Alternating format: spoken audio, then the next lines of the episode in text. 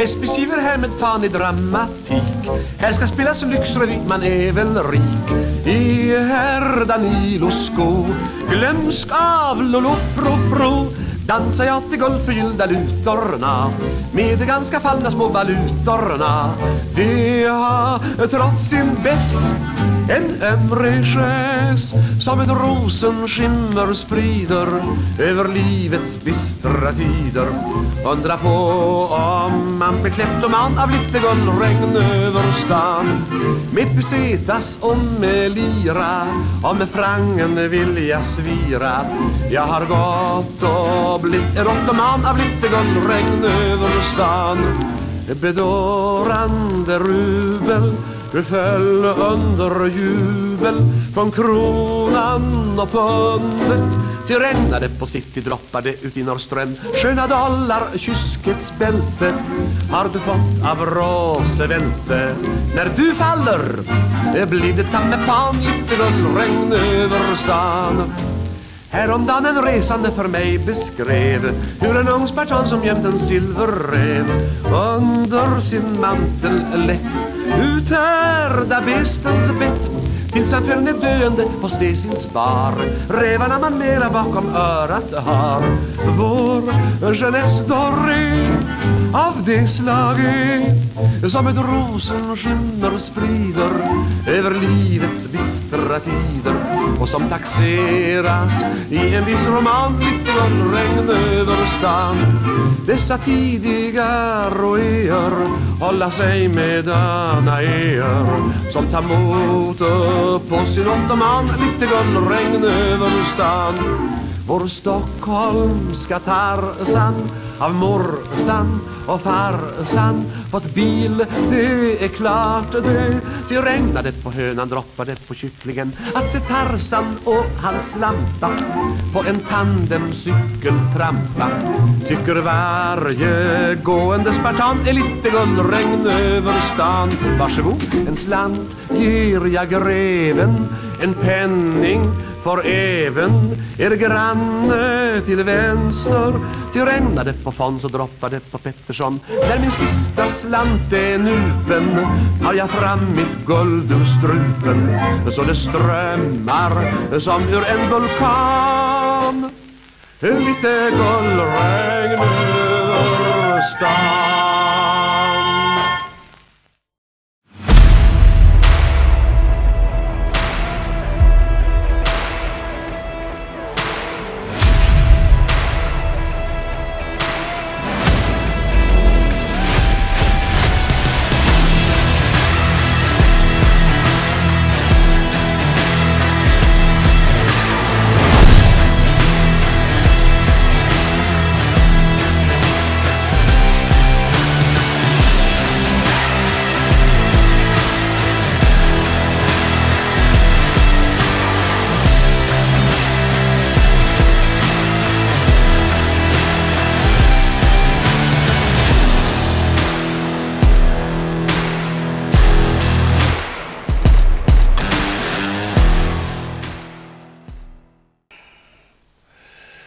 Ja, god morgon, god morgon kan ni.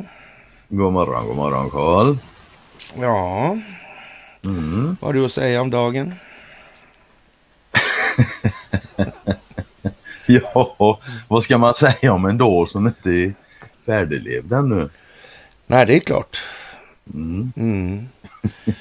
Man får säga som eh, en klassisk donna från Brandbergen sa, hur ska man kunna veta vad framtiden har i sitt sköte när man inte ens kan hålla reda på sitt eget. Ja. Typ. Var en levnadsvis kvinna. Brandbergen fostrar kärva människor. Det verkar så. Ja, mm. ja. ja. Mm. Det är klart att det kan ju gå så om man inte ens har koll på det. Då ja, ja. Kan det hända? Jag kan säga, Ja. Jag kan säga så här mycket om den här dagen i alla fall. Det är onsdag. Det är bra sagt av dig tycker jag.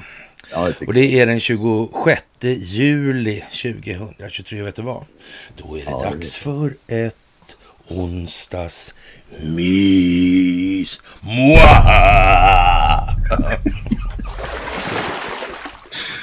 Ja, det är för jävla dåligt. det är för jävla dåligt alltså. Mm, jag vet det. Fan. Jävla uselt alltså. Mm. Nu känner jag mig usel. Ja, men det är gott. Det är en bra Ja, start. Det är en bra start. Och kör sitta och känna sig lite usel. Ja, Ja, för då vet man att det kan bara bli bättre. ja men precis alltså. Och ja, det här Mm. folkbildningsprojektet går rätt bra tycker jag. Det gör det faktiskt. Jag Mm. tycker också det. Jag tycker det. Även om jag ibland eh, slås av någon slags ruelse här. Man ser tio år gamla, eh, ja, ja det kan man kalla för föreläsningar också förresten. Det är ingen intervju. Det, en för- kan man göra. Det kan man göra, ja. Föreläsning i intervjuform. Ja, ja visst så kan man säga. Ja. Tänk vad tiden går det. Ja, ja den intervjun, det alltså det du anspelar på nu, det är ju en intervju du gjorde för en tio år sedan med Mattias. Liksom, och det var innan jag kom in i bilden. Ja, Så den har ju några år på nacken som sagt var och eh, vad ska man säga, den håller än idag. Och Ja. varför gör den det? Därför att den pratar bara om faktiska omständigheter. ja men lite så kan det ju vara också. Det ska man inte helt bortse ifrån faktiskt. Och det blir ju lite pinsamt för dem som, Ja, ja, du har ju ändå sagt det här ett tag nu. Så är det ju. Ja. Ja, det är lite sådär lite halveljest faktiskt. Mm. Men, men, men det, det är, ju- meningen är att folk ska förstå. En som inte förstår så bra som ganska tidigt eh, tyckte jag var en dålig människa faktiskt, tror jag han tyckte. Och, och det är Charlie Picture alltså. Han vill ju inte, han vill ju absolut, ah, han har aldrig velat prata med mig. Är det så? Ja, nej, det talar jag inte med, sa han det första han sa när han fick, såg mig med mikrofon liksom. Mm. Ja, man kan säga vad man vill om Charlie Pitcher, men det är helt dum i huvudet. Nej, men han hade stängt av mig på sin blogg också sådär. Eh, y- kanske ytterligare tio år tidigare. Nej, men nästan alltså. Ja. Så Mycket där. demokratisk kille. Ja, ja, men han hade ju den här Corazan då, då som var kvar då. Så det som man satt och kollade av saker sådär. Så att det... Ja, jag vet inte. Men nu i alla fall eh, tycker han att det är väldigt sådär eh, bekymmersamt och utsikterna för miljarder människor runt världen. Det har blivit eh, så tokigt med globaliseringen alltså. Och den har ju varit då fattigdomsreducerande på en massiv skala helt enkelt, säger han alltså. Och om det här då saktar in kommer miljoner bli kvar i fattigdom. Vilket naturligtvis är helt omöjligt i ett system som på mekanisk grund gör allt färre allt rikare för att allt fler Ja, precis. Alltså, den här, Ja, det- det här eviga tillväxtkravet på en ändlig planet och, och, och sett till då det du just beskrev här med så att säga fördelningsfunktionen av det här systemet. Jag vet inte vad... eh, Det är ju fördelning det handlar om till sist och sist. till syvende och sist, ja. ja. Det finns ju räcker till alla. Det gäller bara att vi lär oss att fördela det ordentligt. Men som du själv sa, han är ju inte dum i huvudet. Eller så är han ju faktiskt det. Alltså det där, det där är ju lite roligt. Folk kan vara bägge och. Ja, Man, man, kan ju vara, man kan ju vara socialt smart men existentiellt idiot. Ja, men så. Och, och när det gäller det existen- existentiella då, rent funktionsmässiga, så verkar ju Carl Bildt ha tappat det för länge sedan. Men frågan om det verkligen är så.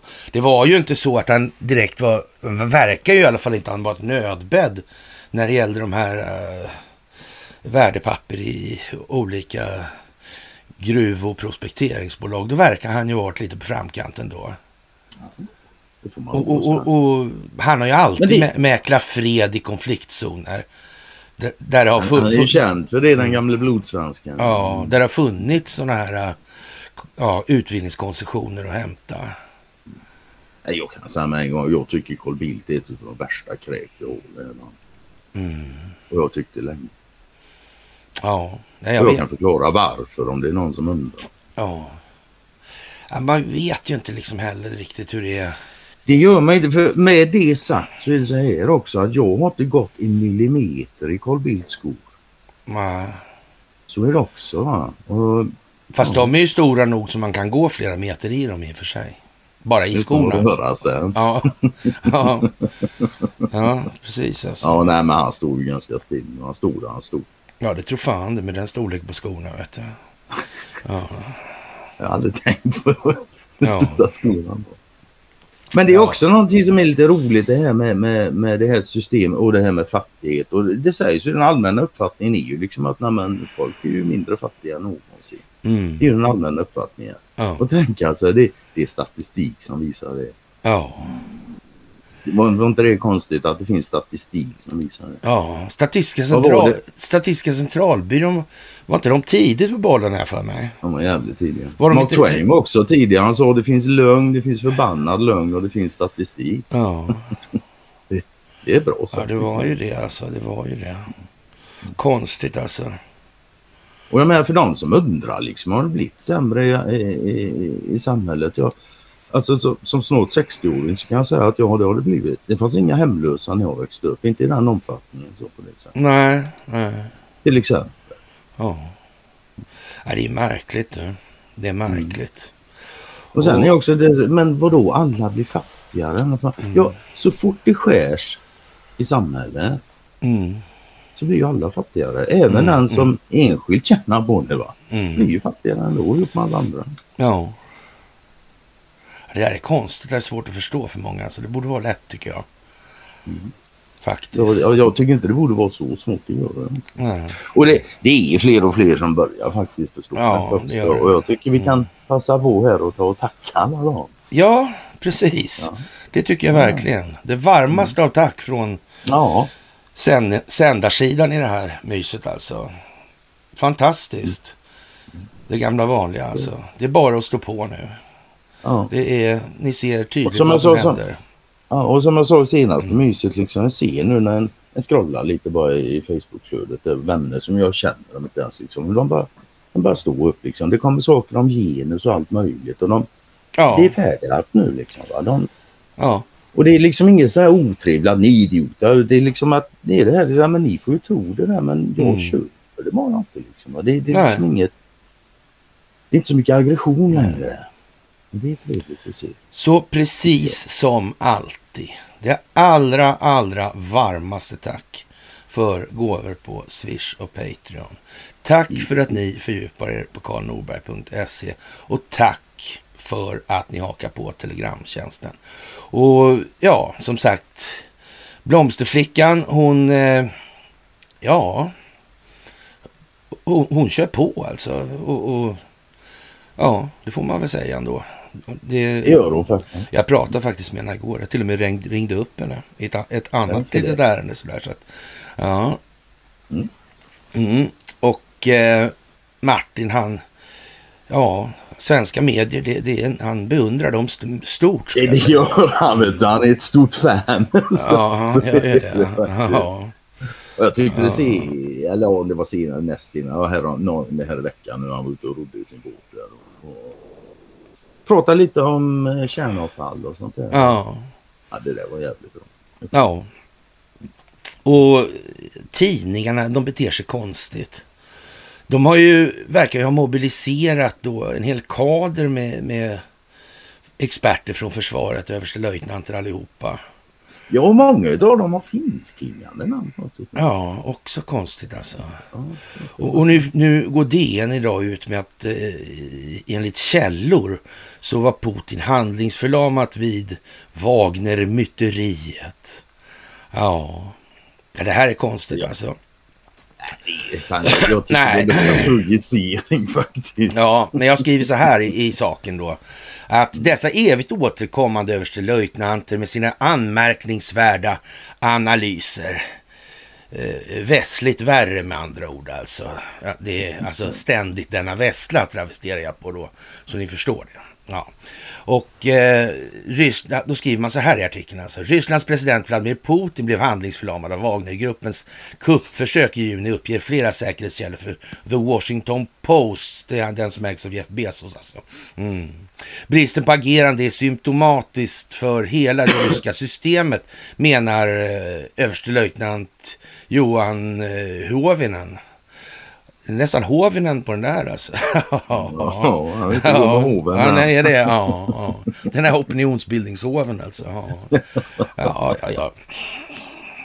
Man bara, jag. Stora, Stora masker där nu. Ja, men kanske.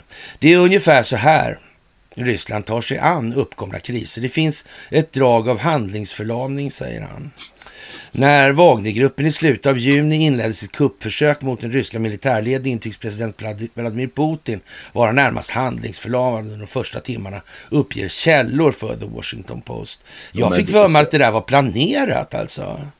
Och gick ut på att exponera CIAs inblandning och såna här grejer. Man kan ju säga att det var i alla fall det som blev av Så kan man ju säga. Ja, man kan ju säga så. Alltså. Ja, men det behöver ju inte vara planerat. Nej, nej, nej, nej.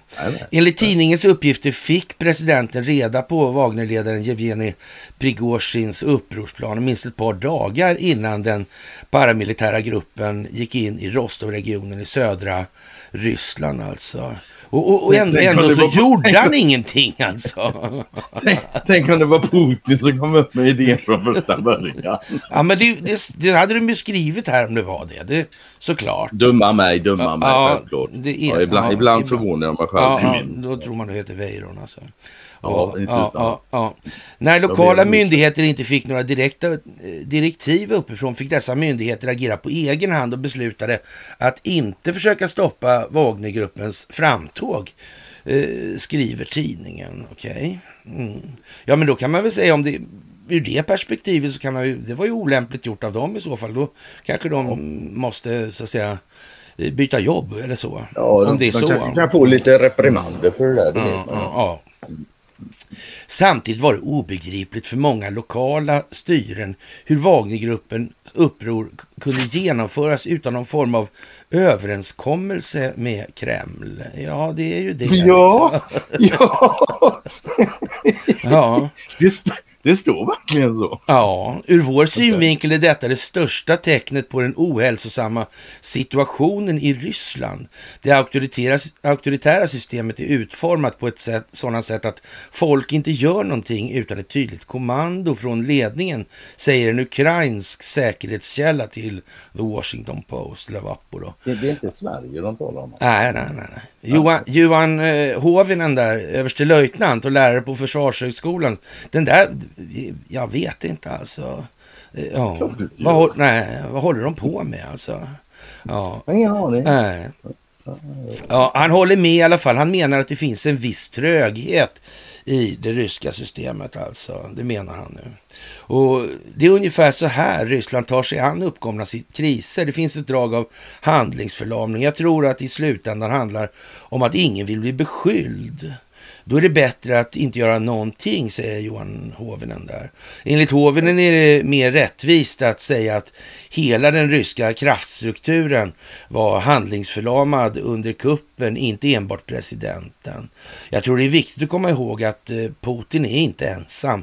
Han styr Ryssland tillsammans med ett antal personer i säkerhetsrådet, säger han. I Ryssland finns flera olika organ som på olika sätt ansvarar för säkerheten i landet. Säkerhetsgardet, Rosgardia, eh, säkerhetstjänsten, FSB, militären, inrikesdepartementet bland andra. Förmodligen fanns oklarheter kring vilka av dessa aktörer som skulle hantera upproret, säger Hovinen. Men, men det kan möjligtvis förklara varför det tog så lång tid innan det kom några direktiv uppifrån. Ja, ja det är ju konstigt det där med de här direktiven, att de inte redogjorde för det direkt alltså. Ja. Vad ska användas för att hantera Wagner? Till syvende och sist fick militären ta hand om det här. Men varför var det militärens uppgift att eh, ta sig an ett inrikesproblem? Det är ju en polisiär uppgift, säger hoven. Mm. Nu vet inte jag om inte de är ute och siktar efter något annat alltså.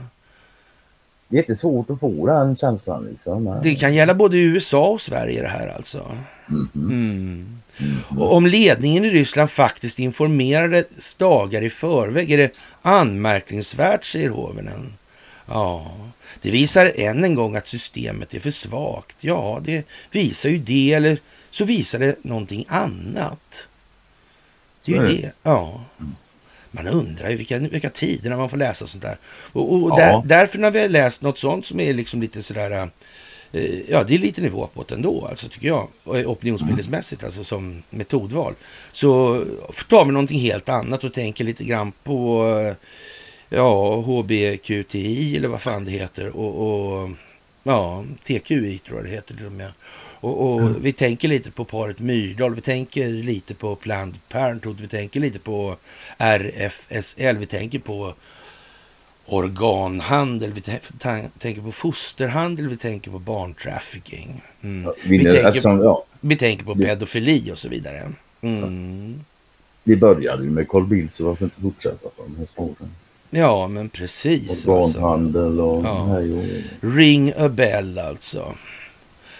Och det är en fantastisk artikel idag i Svenska Dagbladet också igen. Fem frågor du inte ska ställa till en HBTQI-person. Och jag... I också? Nu. Ja, ja, visst alltså. Mm. Ja, betyder det intelligent eller? Äh, Incest kanske? Nej, det står HB, HBTQI står för homosexuella, bisexuella, transpersoner, queera personer och intersexpersoner. Intersex är det betyder. Intersexuell? Inte en dag utan man lär sig något nytt. Känner du dig intersexuell idag? jag tror inte det. Jag vet inte riktigt vad det är ens. jag Exakt. har aldrig identifierat en ja, men eftersom, eftersom det hela bygger på en känsla så undrar jag lite... Ja, lite, jag är lite brydd alltså. Så lite konfunderad. Så vad, vad, hur känner man sig intersexuell alltså? I morse när jag vaknade kände jag mig lite pansexuell. Jag tänkte jag skulle gå ut och spänna på uh, havreåkern där ute. Ja. ja. Ja, ja, konstigt. Och, och, så här också liksom. Folk får ju tro att de är precis vad de vill. Mm. Om de vill vara det ena eller det andra. Så här, jag har inga bekymmer med det. Men de tror, om de tror eller begär att jag ska liksom upprätthålla deras jävla illusioner och barnföreställningar och tro samma om dem som de gör. Nej. Nej. Det kommer inte att hända. Nej. That's it, bara.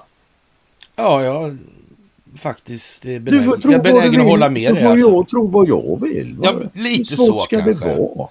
ja. Och komma här och säga liksom att nej men jag, jag eftersom jag är vad heter det, inte sexuell så måste jag ha specialbehandling. Nu måste ni ta hänsyn till det. Min intersexualitet. Ja, men jag tänkte vi skulle läsa lite i den här artikeln, läsa artikeln och, och, kommentera, för jag vill nog påstå ändå, alltså, med viss emfas dessutom, att eh, när det kommer sånt här alltså, mm. eh, då måste det vara syftande till att eh, människor faktiskt ska tänka efter, vad fan är det här verkligen rimligt alltså? Jag tror. Ja, det hoppas jag verkligen att ja. det är till. Vad, vad, vad, kan det annars vara? Ja. Det måste vara Det måste så. vara så. Många ja, framsteg har skett, förstår du Conny. Men eh, vissa tycker fortfarande att det är okej att ställa burdusa och privata frågor till HBTQI-personer. SVDs expert tar hjälp av Anna Nordqvist, eh, RFSL, för etiketten. Dessa ja. bokstavskombinationer. Ja, visst alltså. Mm. Fem frågor eh, du inte ska ställa till HBTQI-person. Eh, många framsteg har skett och det kommer alltså till HBQT HBTQI-personers rättigheter och levnadsvillkor. Kalla dem under för bokstavspersoner. Ja, ja, ja, ja, De senaste årtiondena. Bokstavsmongon tänkte jag säga, men så får vi inte säga. Då jävlar blir, då blir det livat alltså. Ja, nej men alltså. Eller bokstavsskitson oh. kanske, jag vet inte. Ni kommer aldrig att komma igenom det. Nej, men, ja, Ja. Mm. Men att mycket av skam och skuld kring ämnet försvunnit har gjort att vissa tror ett grönt ljus för att ställa vilka burdusa frågor som helst till eh, personer med, eh, som de just har träffat. Eh, jaha, är det någon skillnad på vanliga personer menar de då eller? Ställer man de frågorna till vanliga personer, men det är något speciellt med de här som gör att man ställer ja, ja, annorlunda frågor. Många människor frågar med god vilja och intresse, men det som själv alltid har levt enligt normen, tänker ofta inte på hur det kan uppfattas av människor som inte gör det och, och att det kan såra, säger Anna Nordqvist, samhällspolitisk samordnare på RFSL. Och, och då kan man väl mm. säga så, det, det, det, det, är liksom, ja de håller sig med en sån. Ja. de blir sårade. Ja, en samhällspolitisk mm. samordnare. Kan det ha med åsiktskorridorer att göra, tror du? Nej, nej, nej, nej. nej. Kan det ha med indelningar att göra? Möjligtvis kanske. Ja, eventuellt ja. ja. Hon rekommenderar i alla fall då att visa sitt intresse och sin nyfikenhet. men jag är inte intresserad och jag är inte nyfiken nej, på dem. De får sköta sin jävla sexualitet själva. Ja. Och sin, Helvete, och sin nyfikenhet på andra sätt än genom att ställa integritetskränkande frågor. Vem bestämmer? Är det inte jag som bestämmer om någon kränker min? Eller? Jag tror att det är du som bestämmer det om dig. Jag tror också det. Om faktiskt. dig tror jag det är det. Ja, det tror jag. Ja. Faktiskt. Men, och jag men, kan inte bestämma du, att det är så för någon annan. Men du, är inte det konstigt om vi tar det här i ljuset av Pride då? Mm. Tycker inte du det? Om vi tänker så här. Det, det man i alla fall inte kan undandra sig intrycket av när det gäller Pride. Det är väl ändå liksom att eh, det som shit som liksom håller ihop det där, det är liksom sexualiteten. Ja, och ingen annan demonstration i, i samhället eller verksamhet är så jävla översexualiserad. Alltså vad folk gör hemma i sängkammaren, det är faktiskt individen och resandes egen ensak att hantera. Ja, Men att man måste hantera eller exponera det och gå till torgs med det i alla lägen. Och, ja, det är jätte... Nej, ja, det, det, alltså, det är helt obegripligt. Alltså många utav dem det är. Ja. Det är precis så. Tar du bort den sexuella identiteten ifrån dem. Ja, då blir det inget kvar alltså. Nej, det är inget kvar alltså. Det är ja. tomt. Det finns ingenting annat. Och metoden då man ska använda, det gör man genom att bygga ett förtroende och skapa trygghet och inte genom att pressa någon att prata om saker den kanske inte vill prata om. Vad sägs om att det, eh, om någon vill fråga mig om någonting som inte jag vill prata om, då säger jag väl bara att det vill inte jag tala om ja. för dig. Hur, liksom. hur det är väl min ensak liksom. Ja. Eller? Ja, ja, ja, ja. Jag, jag hoppas du inte väntade mothugg från mig här nu. Jo, det gjorde jag. Mm. Här tipsar Anna Nordqvist om fem frågor alltså, som ska undvika till, för att få slippa få en dålig start på en bekantskap eller göra, den till, göra någon le, ledsen eller arg. Alltså. Ja, till en transperson, vad är ditt riktiga namn? Vad hette du tidigare? Det, men du, kom igen, vad är ditt riktiga namn? Ja, jag vet inte. Men, menar hon implicit här nu då att det nya namnet de har valt inte det riktiga namnet eller vad? Eller de menar att det, det är frågan framför sådan i klumpen då? Ja, det skulle stått ursprungliga förmodligen, men de skrev riktiga. Ja, det, det, hade, så hade, ja, det, ja. det hade varit mer vettigt ord att Ja, men det, ja, det står väl i folkbokföringen vad man heter antar jag. I mm. övrigt står det väl individen fritt att ta vilka jävla namn den vill alltså. Så är det också faktiskt, även officiellt idag. Jag har, jag har en kund faktiskt, han bytte från ett vanligt svenskt namn till ett oerhört ovanligt förnamn alltså. Så ja. det, han har det i ID-korten och grejer. Jaha. ja, Respektera alltid en persons föredragna namn och pronomen och eh, fokusera på nuet istället för det förflutna. Ställ inte frågor av ren nyfikenhet.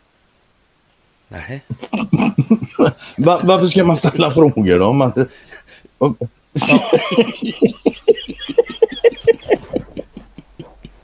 Ja, ja, ja. Okej, okay, ja, ja.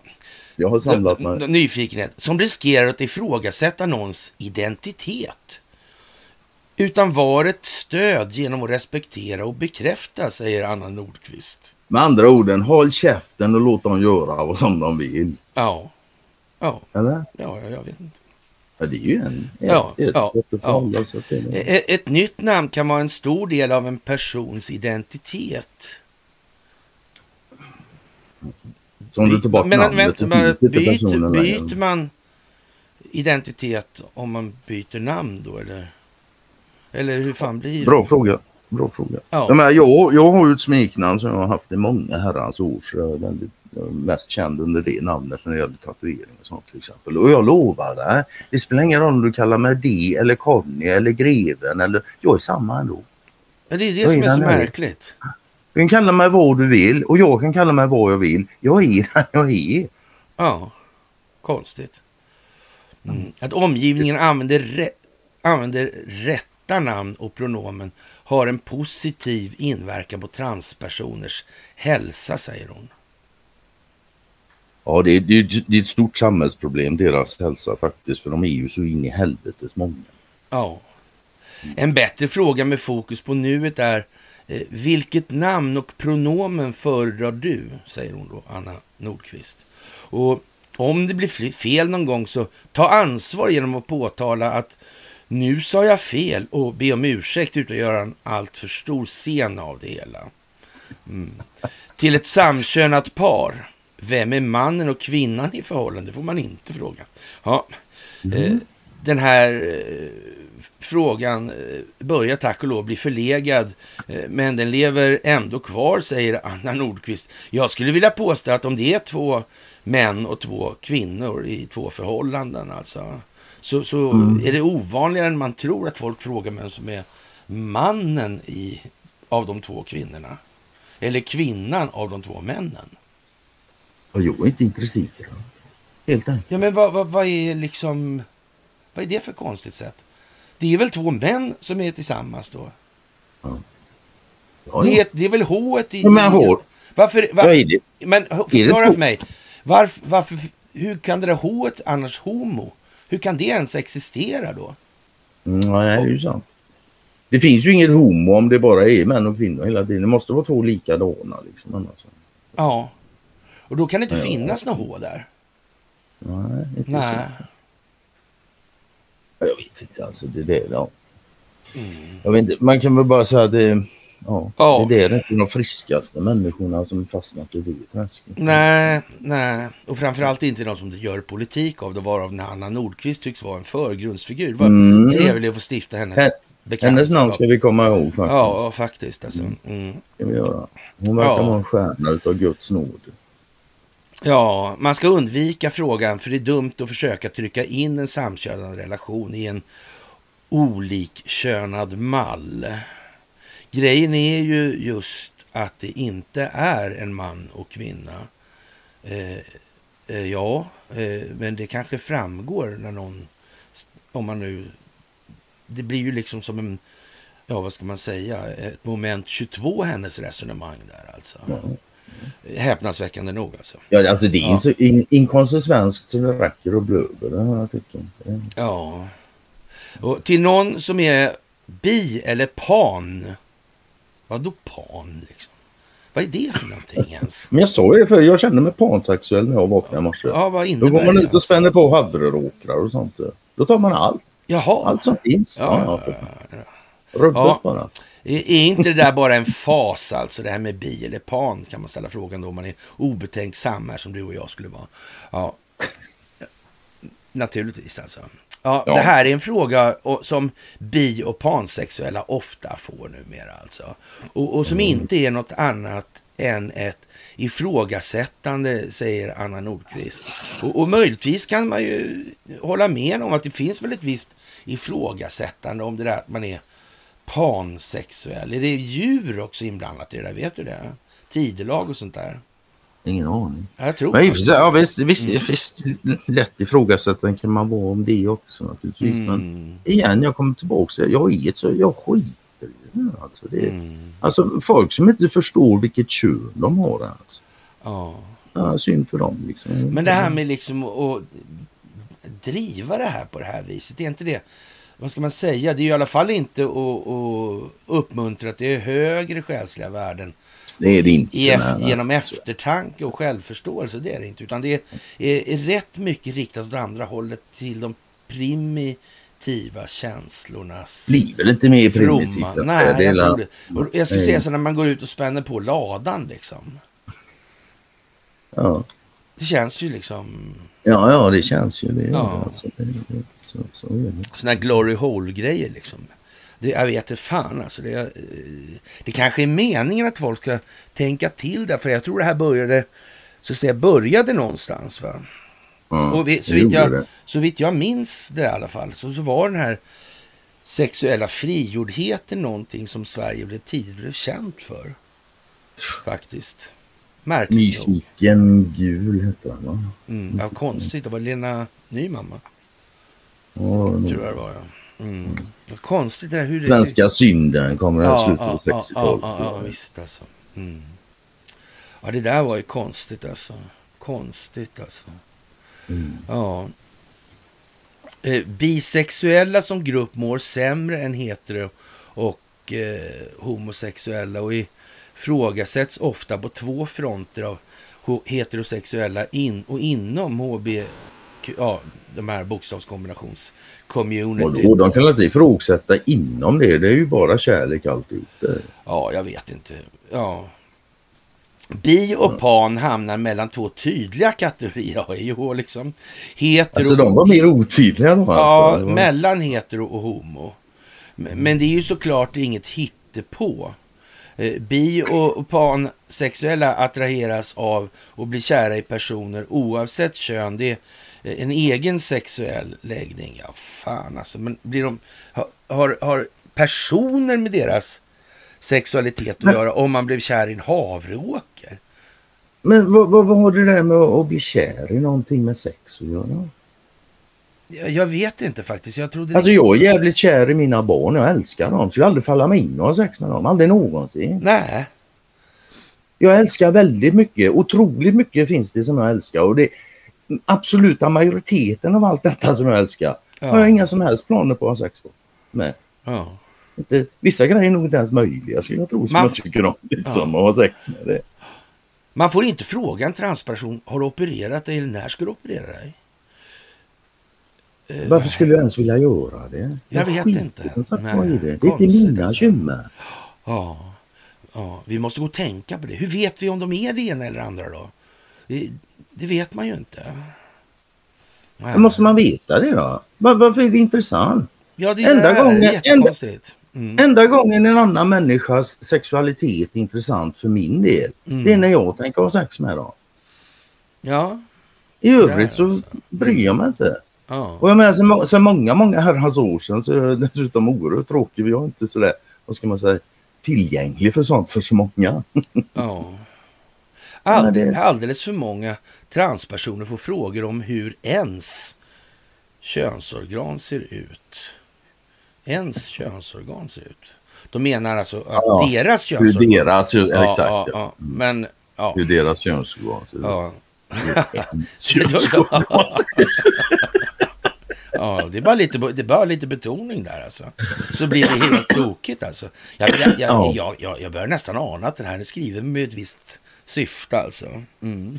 Vi, vi kanske ska säga att Anna Nordqvist kanske inte är riktigt så hopplös som hon ger uttryck för här. Så nej, nej, nej, nej, det skulle kunna vara så. Kan också ja.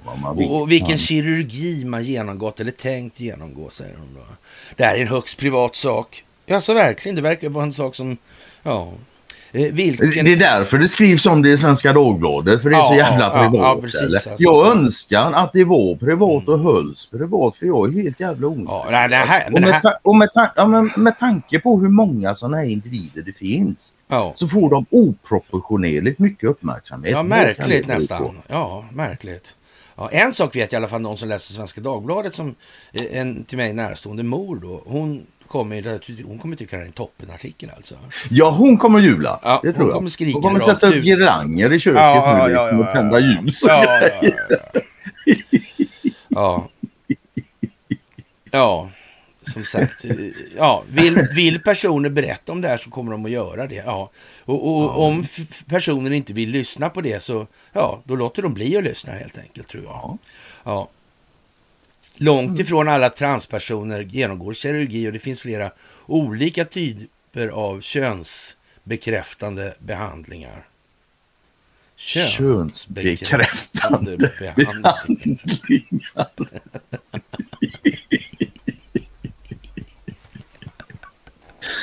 Och jag vet inte om jag lever i verkligheten. jag, jag frågar ju vad det här var för dag. Det är en udda dag ju. Ja.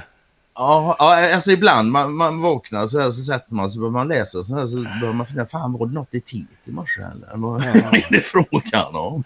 Ofta ställs frågan med underlivskirurgi i åtanke menar annan då i alla fall.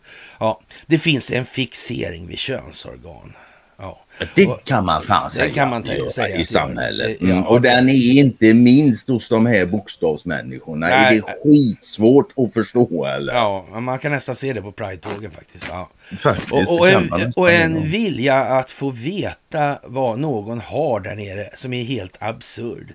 Det är frågor som aldrig skulle ställas till person som inte är transpersoner eller trans då eller vad, hur man nu Nej, det kan ju bero på att det behövs inte Ja. om de inte är Ja. det. Då syns det klart och jävla tydligt vad det är för något du har att göra med. Ja, det vill säga hur ens yttre könsorgan ser ut. Mm.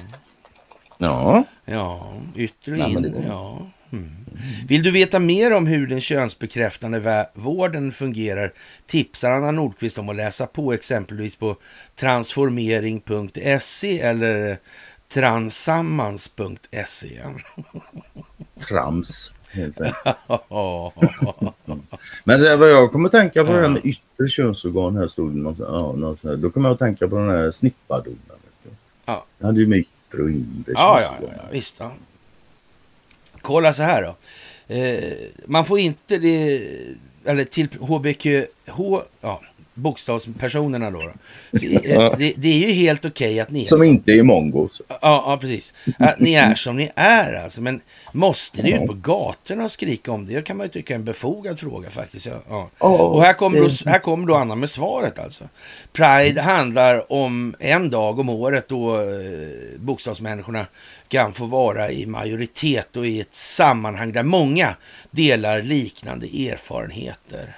Man kan se paraden som ett tillfälle att få uttrycka mångfalden inom eh, vårt community, vår community, heter, jag vet inte, kanske inte. Ja, svenskan Ja, ja. Ja, att få manifestera kärlek eller vem man är, det är eh, något många i majoritetssamhället kan ta för givet. Eh, Så är det inte för eh, bokstavsmänniskorna. Mm. Och det här betyder alltså då HBTQI för homosexuella, bisexuella, transpersoner, queera personer och eh, intersexpersoner. Frågan är väl då hur många Men sådana här... då? Nej, du vet, det var inte så alltså. De försvann. Fy fan. Ja, det, Nu det, det, upprörd. diskriminering alltså. Ja, alltså som jag sa, jag var pansexuell i morse. Så jag Ja. känner mig lite... Det jag gillar mest med det är egentligen det är namnet de har. Pride. Stolt. Ja, stolthet ja. Det är väl en av de sju dödssynderna? Ja, Så, ja, kanske det kanske. kanske det kanske. Ja.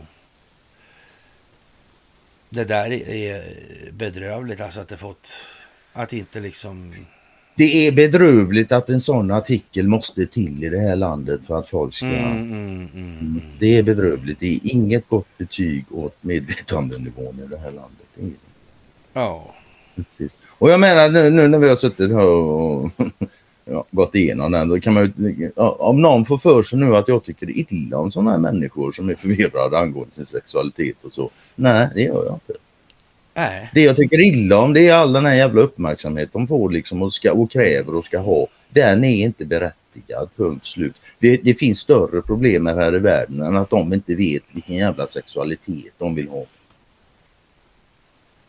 Det liksom... nej men, men det är väl ingen som förnekar dem rätten att i- i, idka sin Så länge- sexualitet Nej, nej, nej. så länge det sker på frivilliga grunder med andra Exakt. liksom. Så, all, all, så länge alla är med, med på det när de Så, håller på så ja. har jag inget att säga om det. Nej. Absolut inte. eh, Men om man, det, det enda jag har något alltså. att säga om i så fall det är om de till exempel, fan kan inte ha stora orger liksom på gator och torg och sådär. Och, Det blir Men det sagt, opraktiskt ja, ja. helt enkelt. ja det är opraktiskt men med det sagt jag ser ju hellre människor som ligger och gängar på parker och torg äh, än, än jag ser soldater springa runt och försöka skjuta folk. Så är det också. Va? Men så är det också. Men jag menar det, det är ju två ytterligheter. Ja, Vi kanske ska försöka satsa på lite balans. kanske ja. Kanske. För, för en sak i alla fall är helt säkert att det ena följer på det andra. Så är det. Det är helt jävla givet. Mm. Faktiskt. Så är det. Kan någon ha tänkt på det tror du? Någon kan ha tänkt på det. Inte bara Dock jag. inte, dock inte så jävla många svenskar. det verkar. Nej, Någon- faktiskt. någon ja. ja, ja. Då ska vi ta lite militär romantik Ja, gärna. Det ja, måste ja. vi ta. Och, och Svenska det- Dagbladet kör Ja, idag. visst. gör. Befäl avrättar sina egna soldater förstår du. Mm. Och Eh, eländet vet alltså inga gränser här nu mm. i Svenska Dagbladet. Soldat, det... Soldater ja. tvingas dricka smält snö för att överleva. och mm. avrättningar för att upprätthålla disciplinen.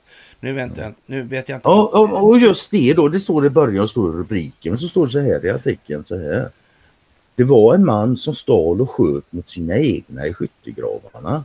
Jag ja. såg inte vem av de fyra personerna runt honom som sköt, men när han försökte fly träffade en kula hans bakhuvud. Jag såg hans kulor innan de bar iväg. Men det tror fan det om han flickbar börjar skjuta på sina egna. Att de skjuter. Oh. Och, de, och dessutom tvingade att drickas smält snö. Ja. Vet Fy fan alltså. Fy fan ja. ja. De blir ju kalla i magen då och då ja. kan de inte kriga så nej, bra. Nej, nej, nej.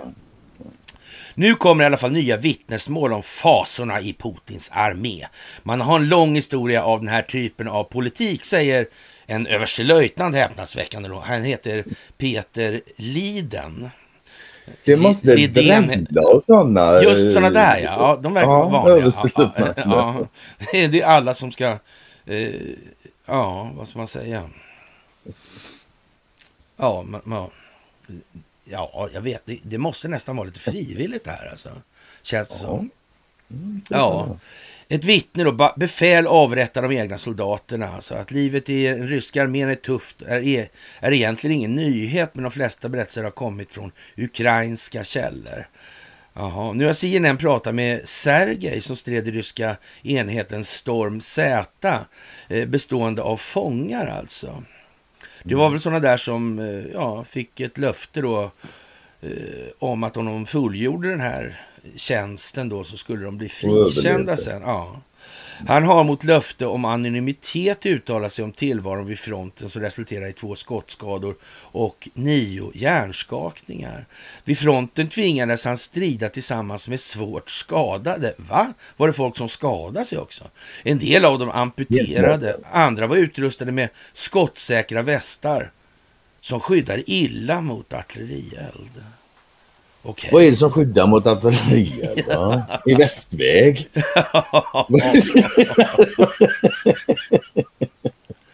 alltså biter inte, alltså den tar inte 15,5 granater alltså. En skottsäker väst alltså. Mm. Nej. Ja, dåliga västar. Ja, det är konstigt. De skulle haft MC-västar, de jävla de hade hjälpt, De hade hjälpt oj, oj, oj, oj. Ja. Han, vet du vad? Han, han, berättar hur han såg kollegor trasas sönder när ukrainsk artillerield eh, slog ner mot dem. Jaha. Ja, det var ju liksom själva poängen med artillerielden troligtvis. Det var väl själva... Han skulle bara vara glad att han ja, överlevde. Ja, precis alltså. Av de mm. 600 fångar som rekryterades till Storm Z i oktober var 170 fortfarande vid liv när han lämnade fronten.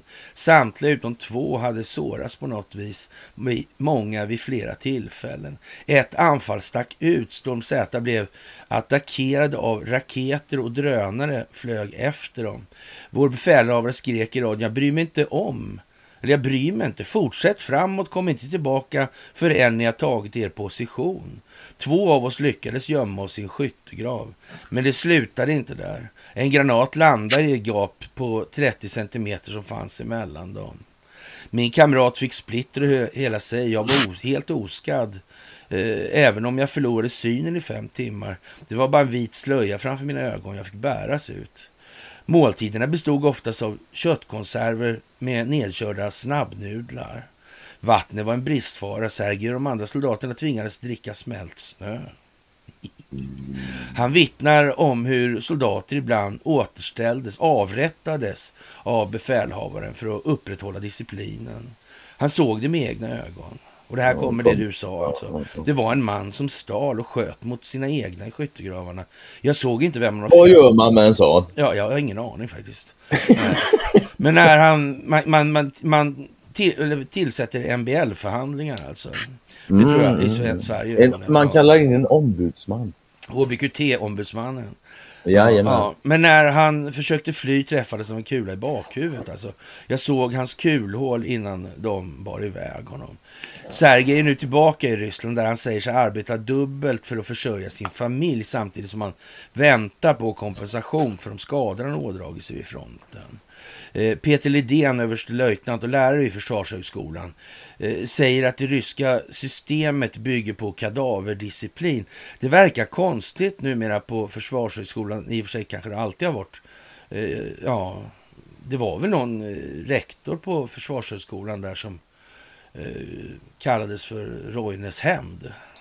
Roine. Carlsson som var försvarsminister utnämnde honom dit. Just för, för att jä- Ja, visst alltså. Ta mig fan alltså. Så det har ju varit lite segt där på ett, ett tag alltså. Mm. Lite politiserat skulle man nästan kunna säga. Roine han var, han var politiker, inte militär kan jag säga. Alltså. Det var han, som, han pratade om att de stod på bryggvingarna och glänste och såna här grejer. Alltså. Och mm. budgetubåtar och sånt, det pratade han om också. Undrar vad, menar, vad menar han med de där grejerna egentligen? Är det någon som har en aning? Jag har lite aning faktiskt. Det finns jag faktiskt en som har aning. Jag har faktiskt träffat honom vid några tillfällen i de här sammanhangen också. Okay. Konstigt, ja. Det är konstigt alltså. Det är konstigt. Ja. En sak som slår mig tycker jag när man läser sådana här saker. Det, det verkar inte som, nej men det är inte Ryssland. Det är fortfarande Sovjetunionen. Ja men minst alltså. Ja. Frågan är om inte de Peter har, de har nog blivit värre sen dess. Ja, frågan är om inte Peter den store finns i bakgrunden där, i faggorna. Så liksom. det. Det sa ju Putin någonting om, att Sverige behövde ja, det Peter gjorde han. Mm. Det gjorde han. Han kan, det kan ju hända att han kommer upp i, ja, i handlingen igen. Faktiskt, ja, ja, ja, ja, ja. Mm. Mm. Det är mer eller mindre institutionaliserat i, det här ryska i den ryska armén, alltså den här kadaverdisciplinen, men också inom krigsmakten i stort.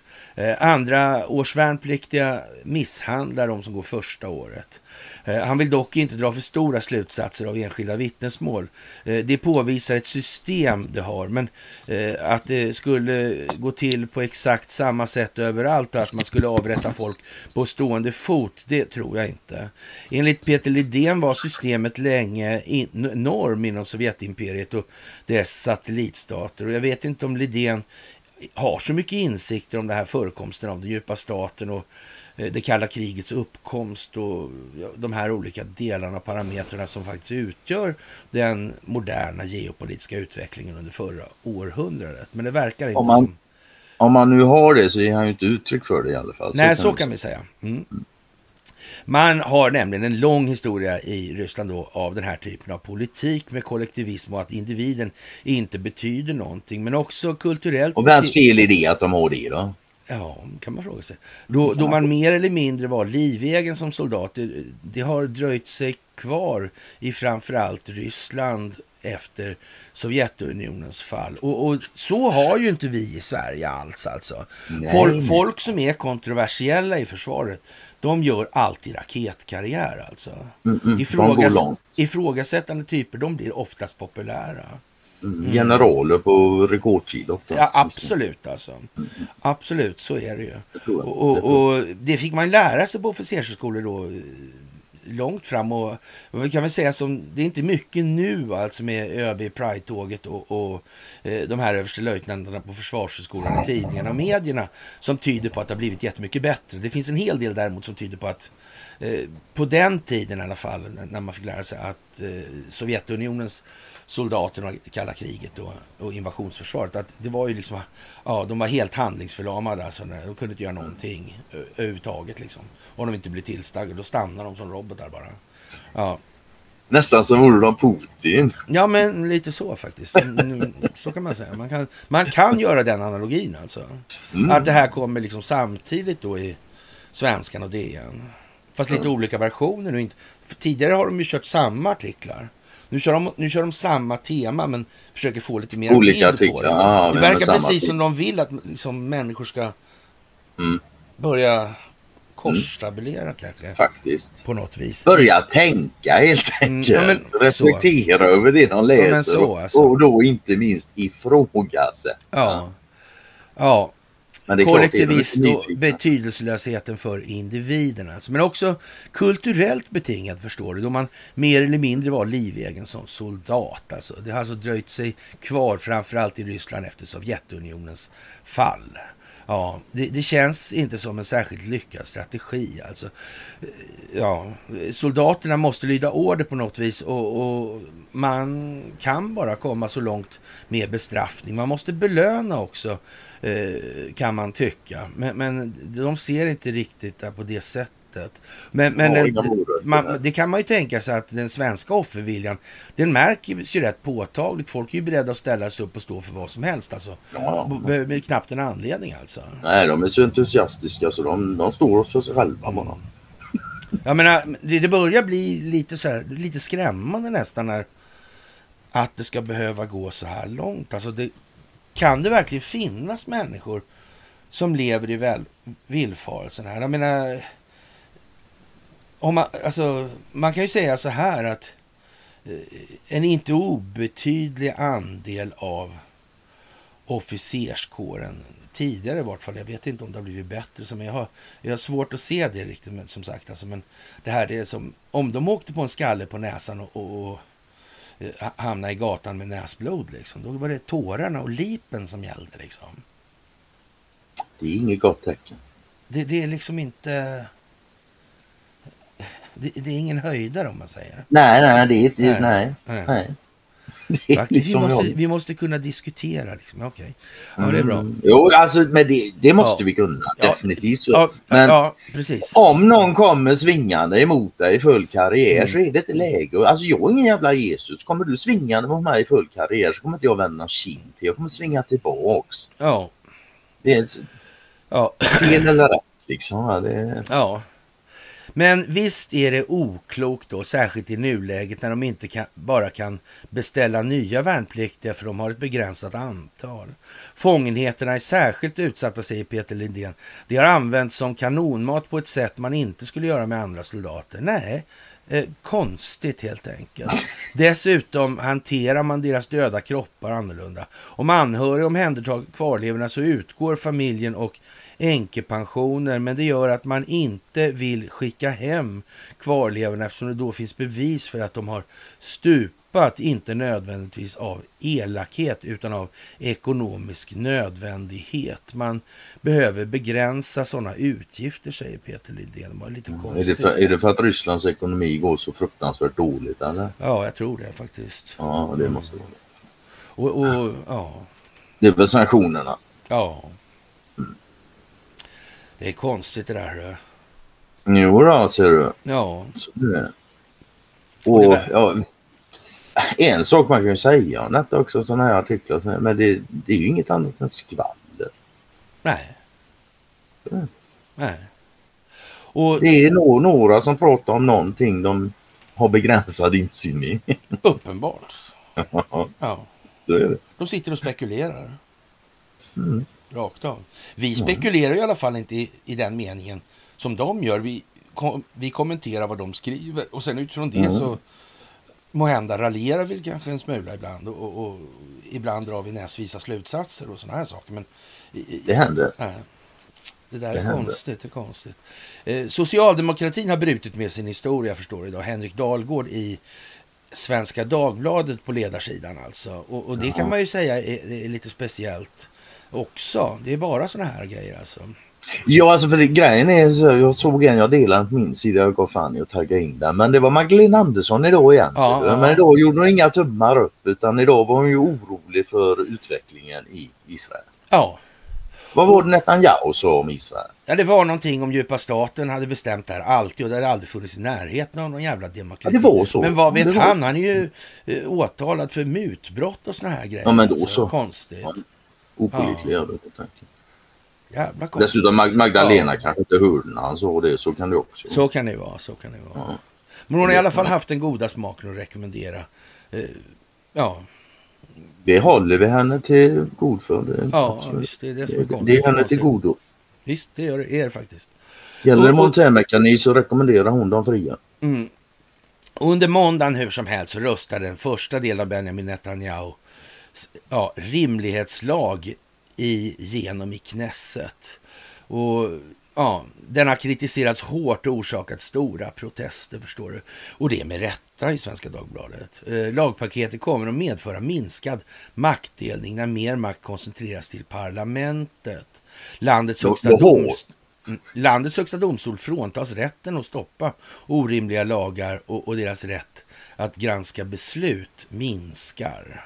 Men alltså då, då har de i alla fall maktdelning. Ja, det är jag inte säker på att vi har det däremot. Det är jag säker på att vi inte har här. Vi har folksuveränitetsprincipen, vi kommer tillbaka till det här. En av kritikerna var Sveriges tidigare utrikesminister Ann Linde som påpekade att utvecklingen var en konsekvens av att ge makt åt den auktoritära högern naturligtvis. Och höger-vänsterparadigmen i det här har liksom inte med saken att göra. Det är funktioner som inte förändras och kallas det ena eller andra. Alltså. Så är det ju faktiskt. Ja, det kan mm. ses som en del i en större trend. Eh, Socialdemokraterna försvarar numera, i alla fall retoriskt, en liberal demokratisyn med oberoende domstolar, maktdelning och rättighetsskydd. Under det vill för... de ha där nere men inte i Sverige alltså? Nej, nej, nej, nej för fan, det går inte. Under förra mandatperioden beskrev exempelvis januariavtalets inledande stycken ur försvaret av den liberala demokratin förenade de fyra, person, eller fyra partierna. Låter lite som ja, Tidöavtalet eller sådär kanske. Ja, man kan ju säga så alltså, kan politik bli annat än vad vad det blir på slutet. Liksom. Nej, det kan det inte bli. Nu. Till sist ja. så förstår ju människor att det spelar ingen roll vad du kallar det. Det är funktionen som räknar. Ja. Intressant nog är socialdemokratins omfamnande av den liberala demokratisynen en ny företeelse. Ja, under större delen av partiets historia har man förespråkat en demokratisyn som ligger närmare Netanyahus lagförslag. Där utgör den breda folkviljan Eh, folksuveräniteten basen snarare än den enskildes rättigheter och eh, maktdelning och rättighetsskydd ses som ett hot mot friheten snarare än som en garant för den. Och jag vet inte om man med ja, Per Albin Hanssons folkhem i salig åminnelse och hans eh, fritidssysselsättning Bridge tillsammans med den här Saltsjöbadsandans skapare, herr Wallenberg. Mm. Konstigt alltså. Hur det här... En annan sak som slår mig här också, det är liksom det här med den liberala demokratisynen. Men för mig är demokrati det är ett absolut begrepp. Ja. ja.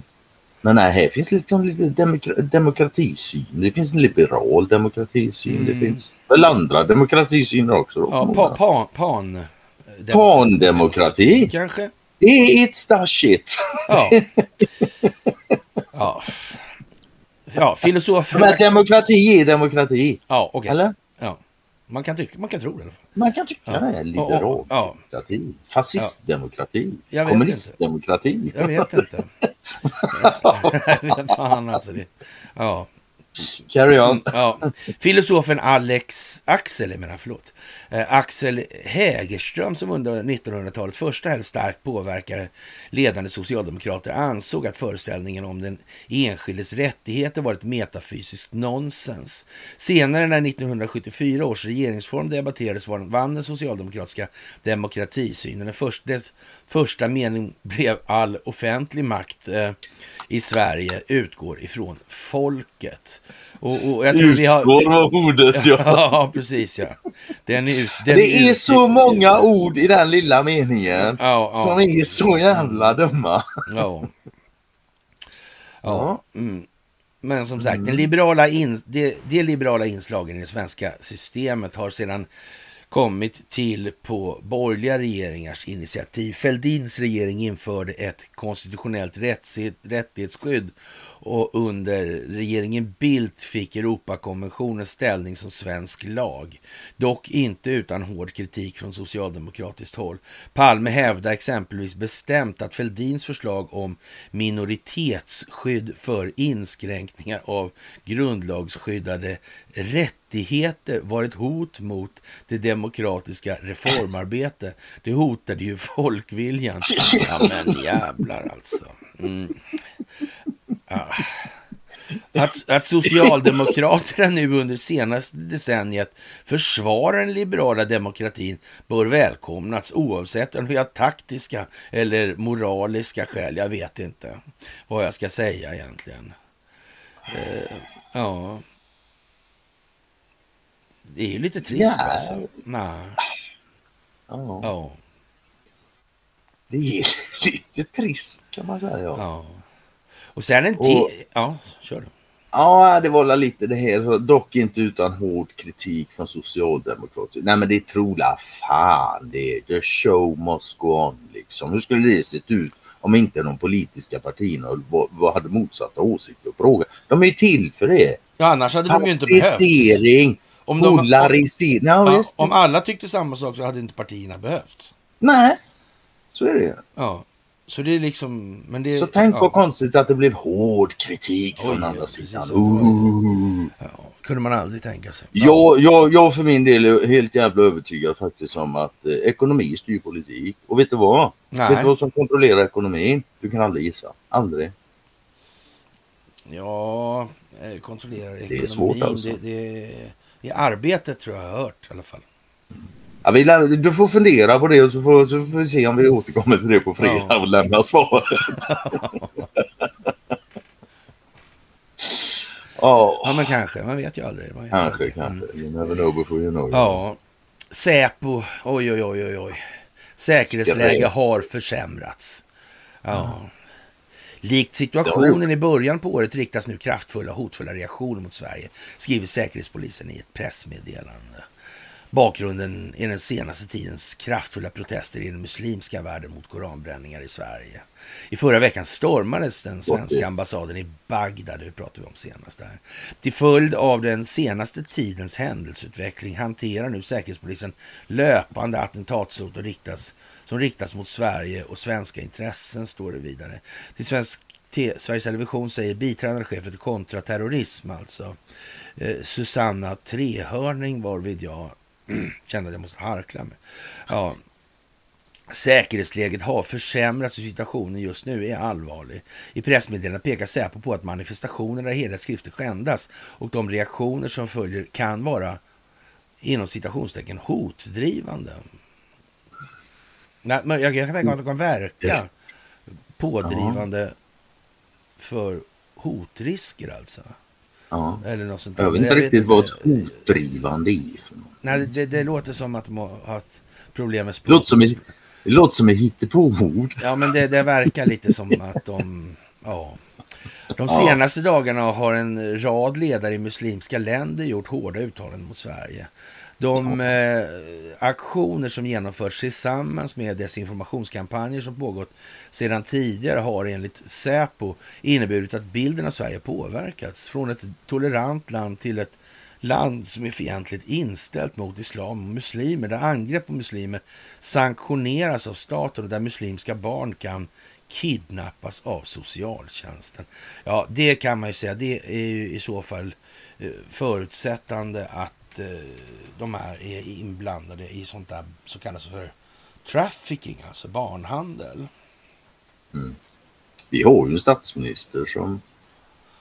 Ja, men är inte det konstigt? Vi kallar honom för barnhandlaren och inte för skojs skull.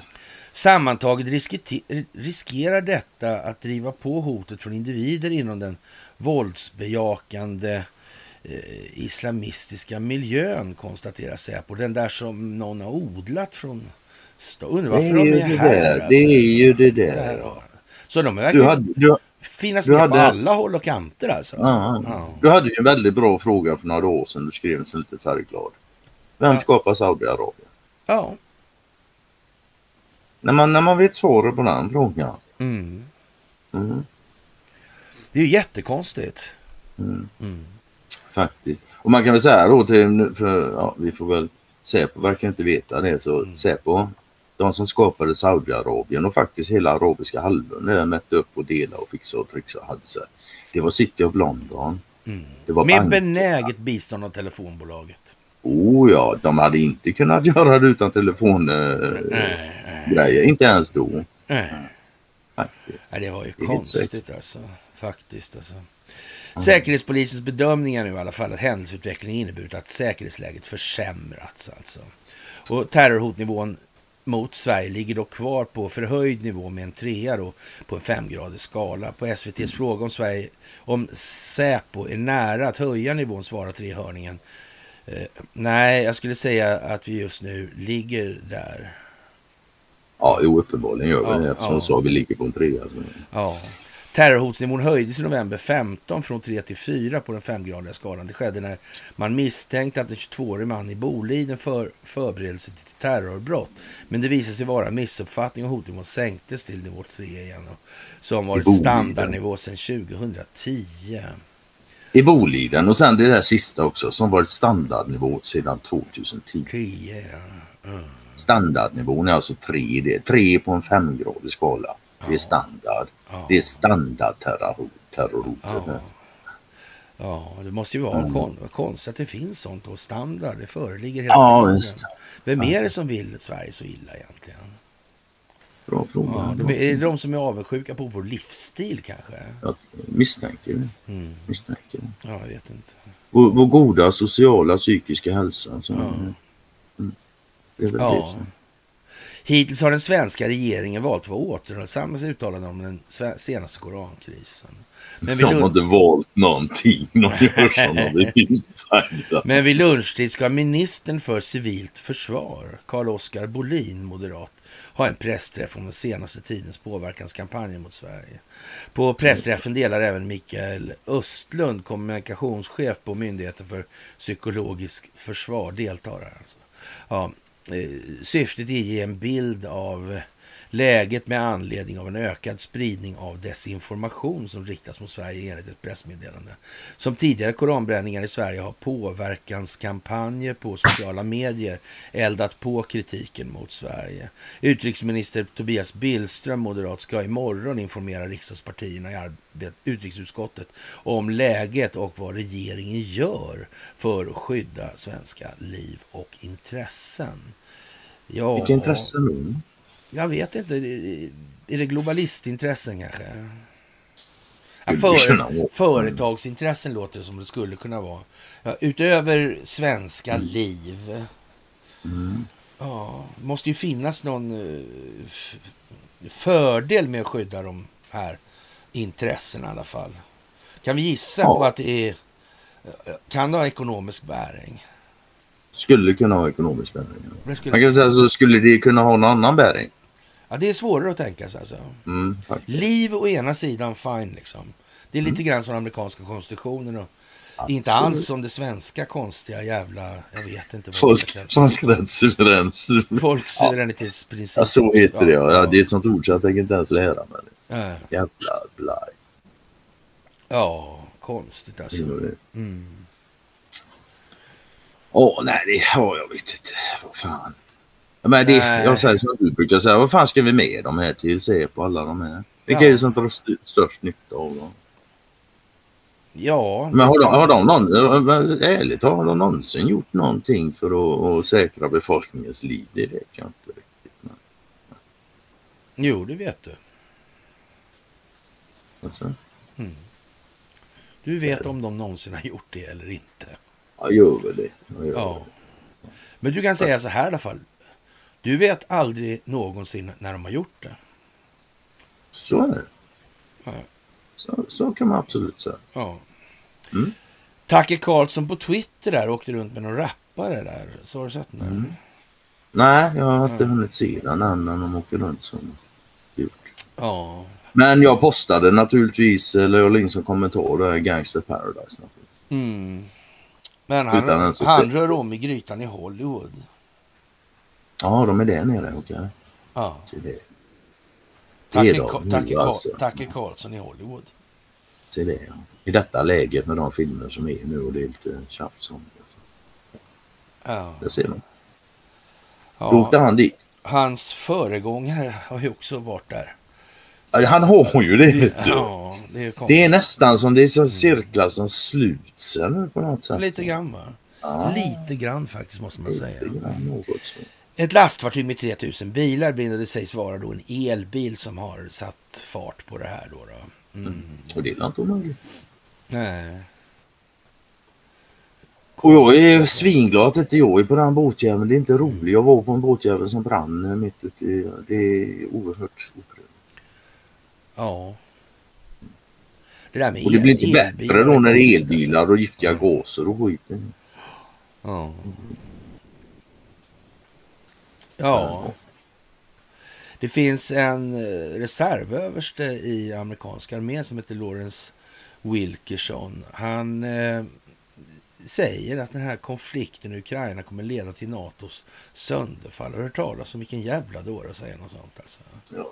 Det är första gången jag hör någon säga något sånt jävla idiotiskt. Ja, Ja, faktiskt. helt alltså. galet. Snacka om konspirationsteori. Ja, vilken jävla pol. Ja, men, näst, snart säger han väl att Israel kommer förändras också liksom och stupas om eller någonting. Jag skulle inte förvåna mig, men då får det fan vara nog alltså. Ja, då, då, då slutar vi lyssna på honom. Ja, då har han satt sin sista potatis.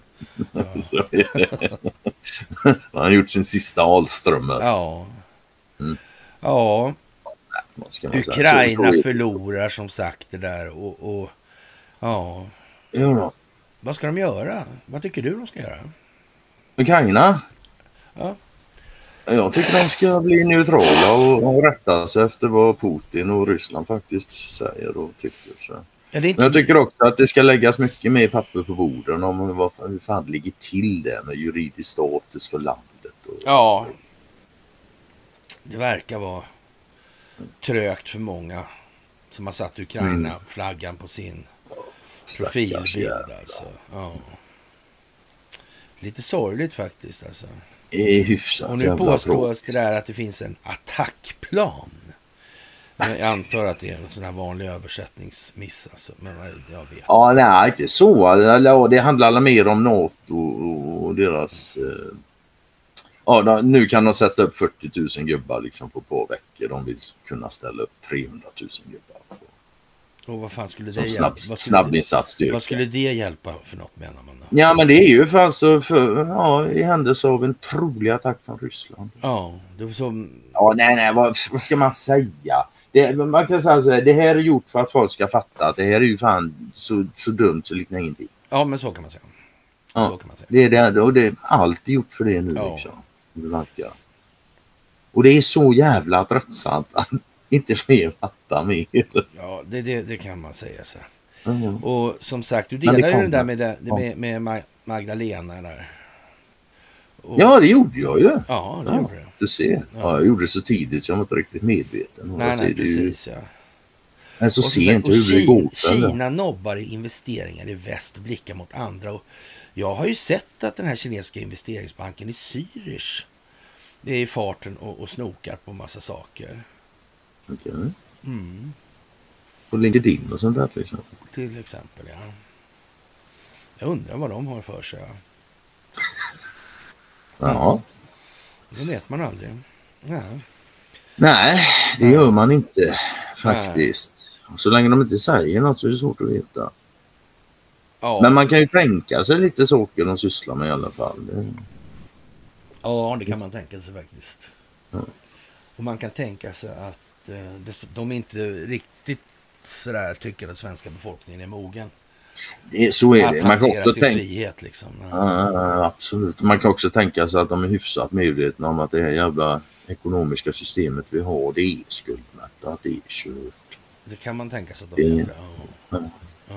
För det, det vet ju faktiskt till och med de som jobbar inom det här systemet. Ja, så är det. Mm. Men de säger inte heller något konstigt nu. ja, vad säger Douglas McGregor då?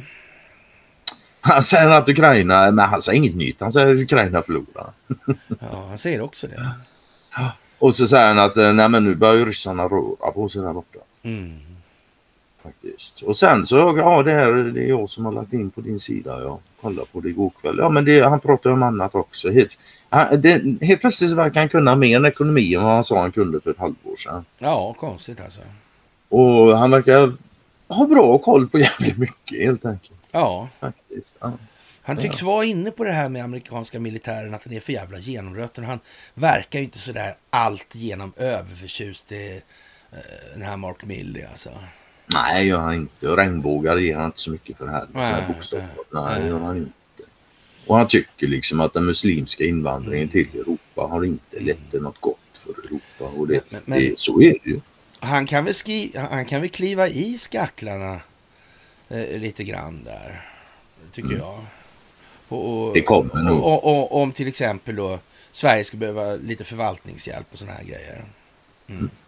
Jag, jag, jag, kan säga... Han kan nog hantera sånt med. Ja, jag, jag, kan, anmäla mig frivilligt. Ja. Det kan jag göra. Ja, det skulle jag säga. Ja.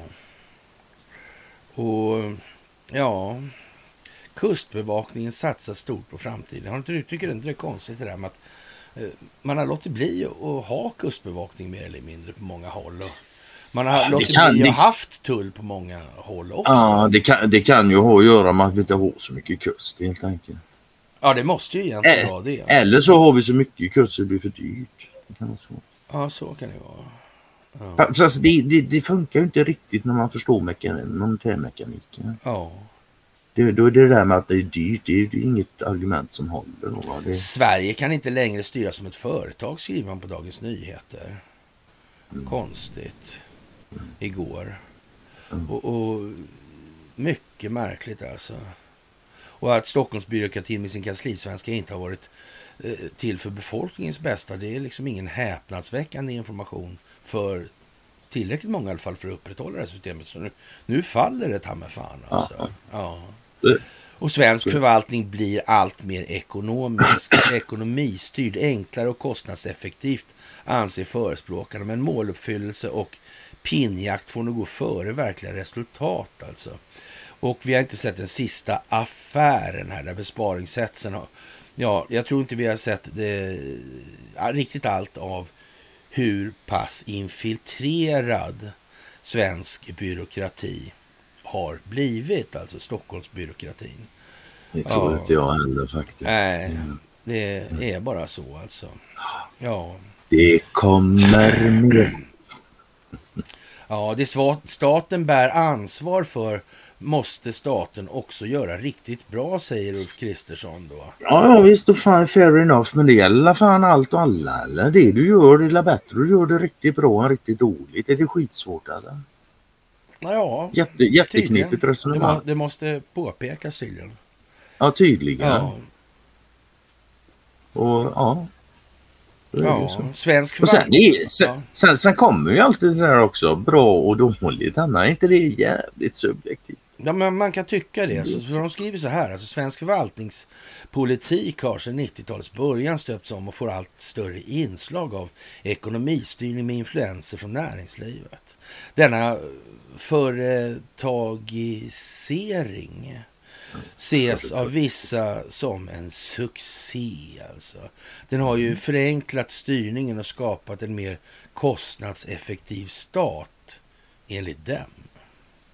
Vilka är dessa dem? Det, ja, de förespråkar... Och sen också, med, ja, mm. sen också en skrivelse, fått allt större inslag av ekonomistyrning.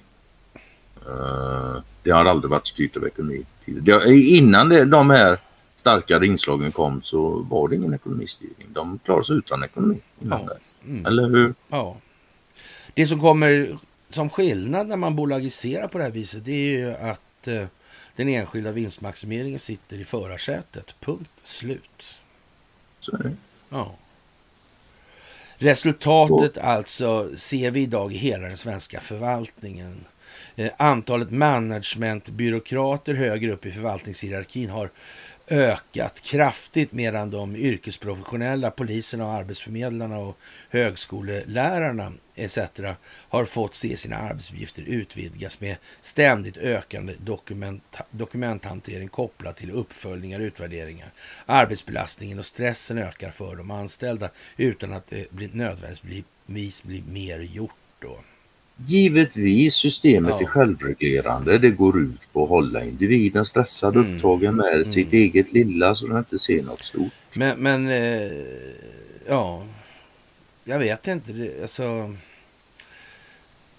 Ja, produktivitetsutvecklingen är teoretisk. I praktiken handlar det om att myndigheterna får allt mindre anslag för att utföra samma arbete. Kan det bero på? Ja, det vi står med efter 30 år av företagsinspirerad styrning är anorektiska kärnverksamheter. Det är ingen slump att omloppstiderna i många av landets domstolar är oacceptabelt långa och att Sverige ligger i botten mitten i europeiska jämförelser vad gäller mängden lärarledd tid på akademiska utbildningar, att de statliga museerna inte klarar av att ombesörja sina samlingar och så vidare i det här. Mm. Jag undrar om det ekonomiska systemet har någon påverkan på det här. Ja, men det, alltså det, ja, det blir ju så jävla dumt. Men hur svårt allting, hela samhällsbygget mm, är byggt ja. så det roterar runt ekonomi. Ja. Hur ska du inte då kunna köra ett land som ett företag? Nej. Du kör ditt eget liv som ett företag. Allting kör som ett företag. Du måste gå med, det spelar ingen roll om du är individ eller land ja. eller vad. Du måste, om det inte går med vinst, vad händer då? Mm. Du måste ha ett namn. Ja, så nej. som vi har byggt samhället så kan vi inte göra annat än att köra det som företag. Nej. Ja. Och det här är ju inte vad som helst eller vilka som helst som har uh, det är hon yngre madammen Lejon där som har tillsammans med 12 stycken, tror jag det var, okay. professorer som hade skrivit den här. Är det hon Anna-Greta Lejons dotter? dotter? Ja, precis. Ja. Ah, Britta Lejon, va? Tror hon heter. Mm. Det, det känns någonstans i det här som att, uh, ja, Ja men det står ju här. Det, det, ska, det ska, ja, ja vi tar det. Så. Avslutningen liksom. Det står punkt ett då. Sluta hantera staten som ett företag. Hur fan ska det gå till när vi har det ekonomiska system vi har? Nej. Alltså jag är fan, jag håller med i sak så liksom. Sluta absolut. Mm. Sluta hantera länder som företag. Där. Men hur ska det gå till när vi har det ekonomiska system vi har? Ja. Mm. Och nej, Sverige är inte ett registrerat företag. Nej. Vi har varit inne på det förut. Så 10 miljoner gånger liksom. Ja, ungefär ja. så. Men de finns, Men liksom... de finns registrerade för, hos SEC för handel med dollarvaluta. Mm. Ja. Och sen har du punkt två, skrota de generella besparingarna i staten. Mm. Eh, det här ekonomiska systemet. Mm. Ja. Förstår man hur det fungerar så förstår man också hur jävla dumt det är som står där. Ja. Och så har du trean, inrätta myndigheten för god förvaltning. Ja men den kommer nog ja. ja. men det spelar liksom ingen roll hur många myndigheter vi inrättar så länge det här ekonomiska systemets mekanik är i drift.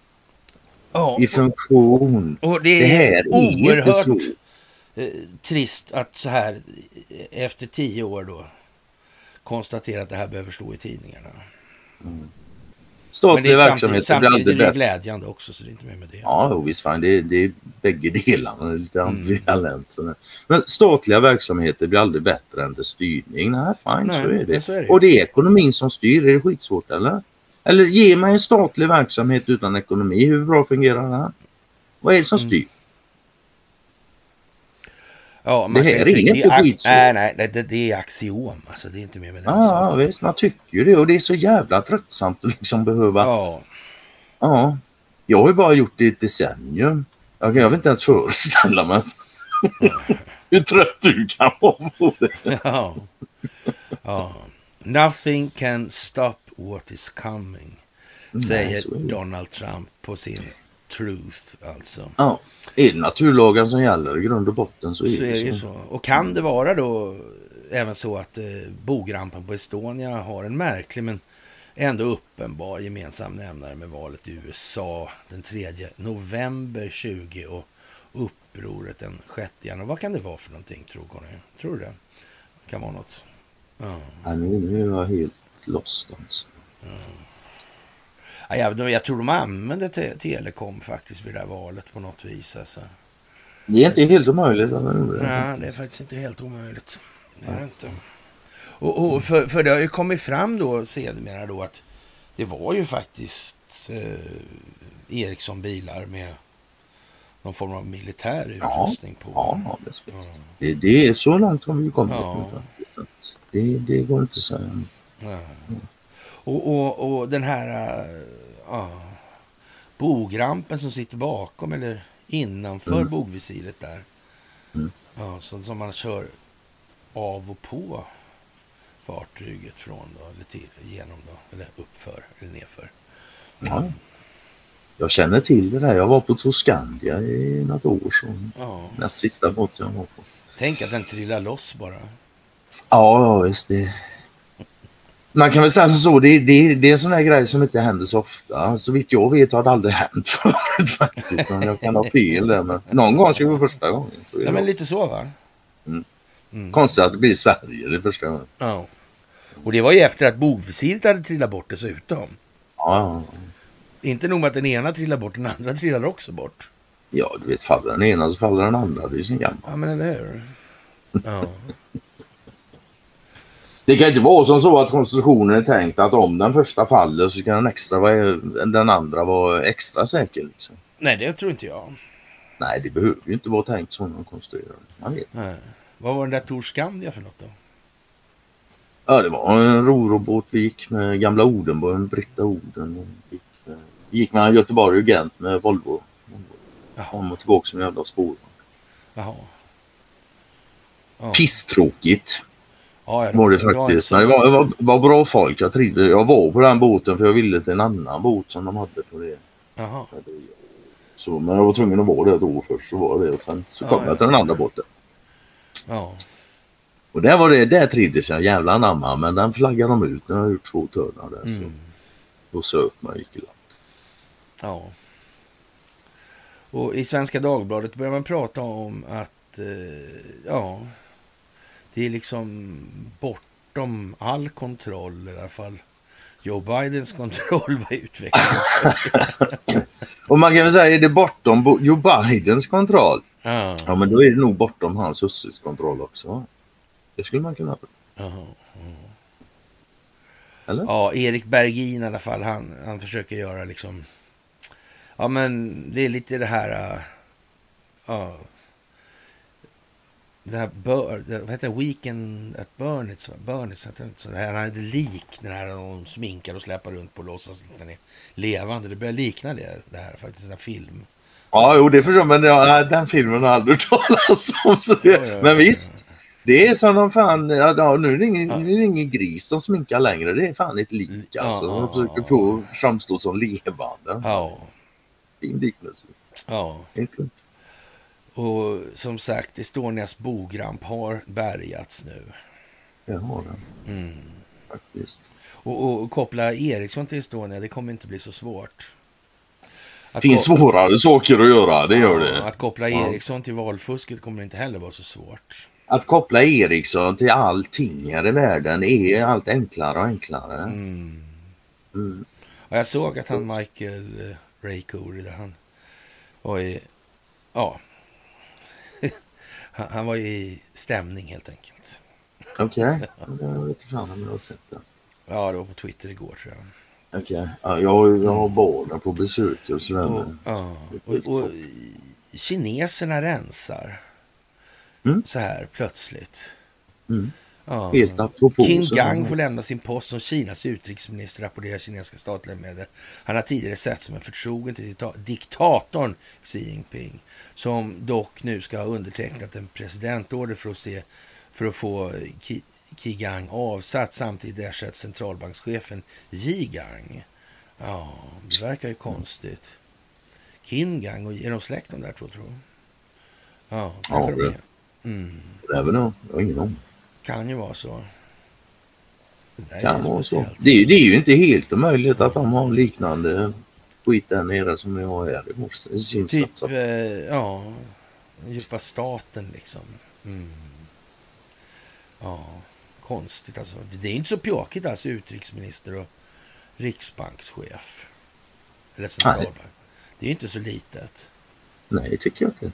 Det är ju, ska vi säga, det är tunga poster helt enkelt Tänk inom om, det, förvaltningen. tänk om det är så att Erdogan, Trump, Putin och Xi har planerat och koordinerat det här. Det hade ju varit olyckligt för många som inte begriper att det är så. Ja, Mm. Det får man väl nästan säga. Va? Ja. Säpo, ja. De ska börja med automatvapen nu, säger de. Ja. Och det här är ju jättekonstigt alltså. Fast I stan då alltså? Jag förstår inte Ja. riktigt det där. Och, och, nu Kan det vara jag, optiker? jag, jag skulle nästan kunna säga det alltså. Att det Mm. är så. För, eh, Ja, för rent funktionellt och praktiskt. De fungerar ju inte bättre av att man talar om dem. De blir inte mer effektiva av att man talar om att man ska använda dem. Och det, är inte, det enda som Nej. det gör då, det väl höjer ju våldstrappan möjligtvis. Men Exakt jag så, vet inte ja. om det är jättebra. Men, men, men rent så att säga taktiskt så är är ju ett automatvapen då lite begränsat till, i sin användning. Och, och speciellt då i, ja, om man ska säga då, eh, ja, befo- bef- hålla befolkningen, man skjuta in besinningslösa folkmassor då. Det var är det man har tänkt Mm. sig liksom. Mm. Ja. Det, alltså, det har inte så mycket funktioner. Liksom. Man kan skjuta nedhållande eld till exempel. Det man, Mm. eh, ja, det är en militär term för eldgivning från understödsvapen, då, som kulsprutor och så vidare. Och, och syfte, eller automatvapen. Då. Syftet med det här är att, skapa ett psykologiskt övertag genom att tvinga folk i skydd, alltså platt på gatan och inte sladdra omkring. Va? Och därmed förhindra dem från att ge eld eller observera eller röra sig. Då.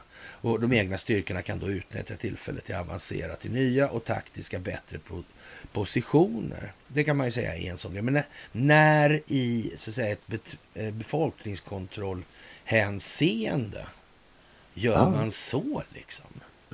Hur tänkte de där? Ja, ja, ja. Vad är de där vapnen bra för? Mm. Jag menar alla vet ju liksom att man skjuter lite grann så automateld det är ju inte liksom Ja, det prickar lite, prickar lite sådär liksom. Det fanns ju, har ju funnits i och för sig automatvapen sådär.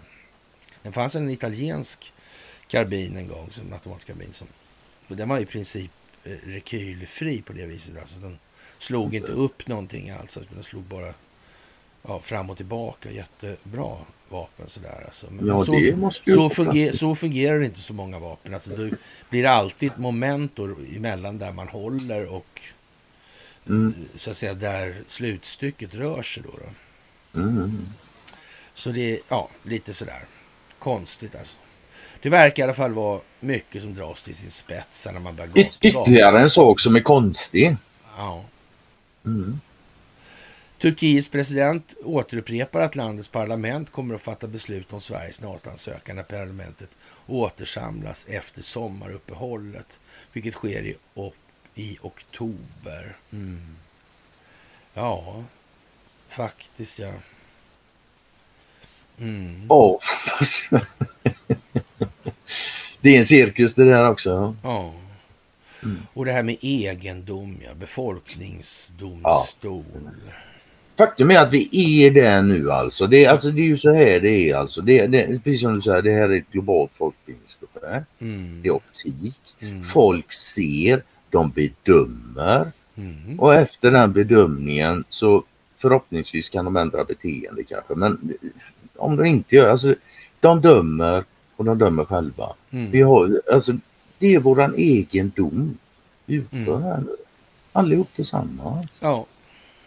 Egen dom helt enkelt. Det är ett jävla bra ord att fundera på. Egendom. Mm. Egendom.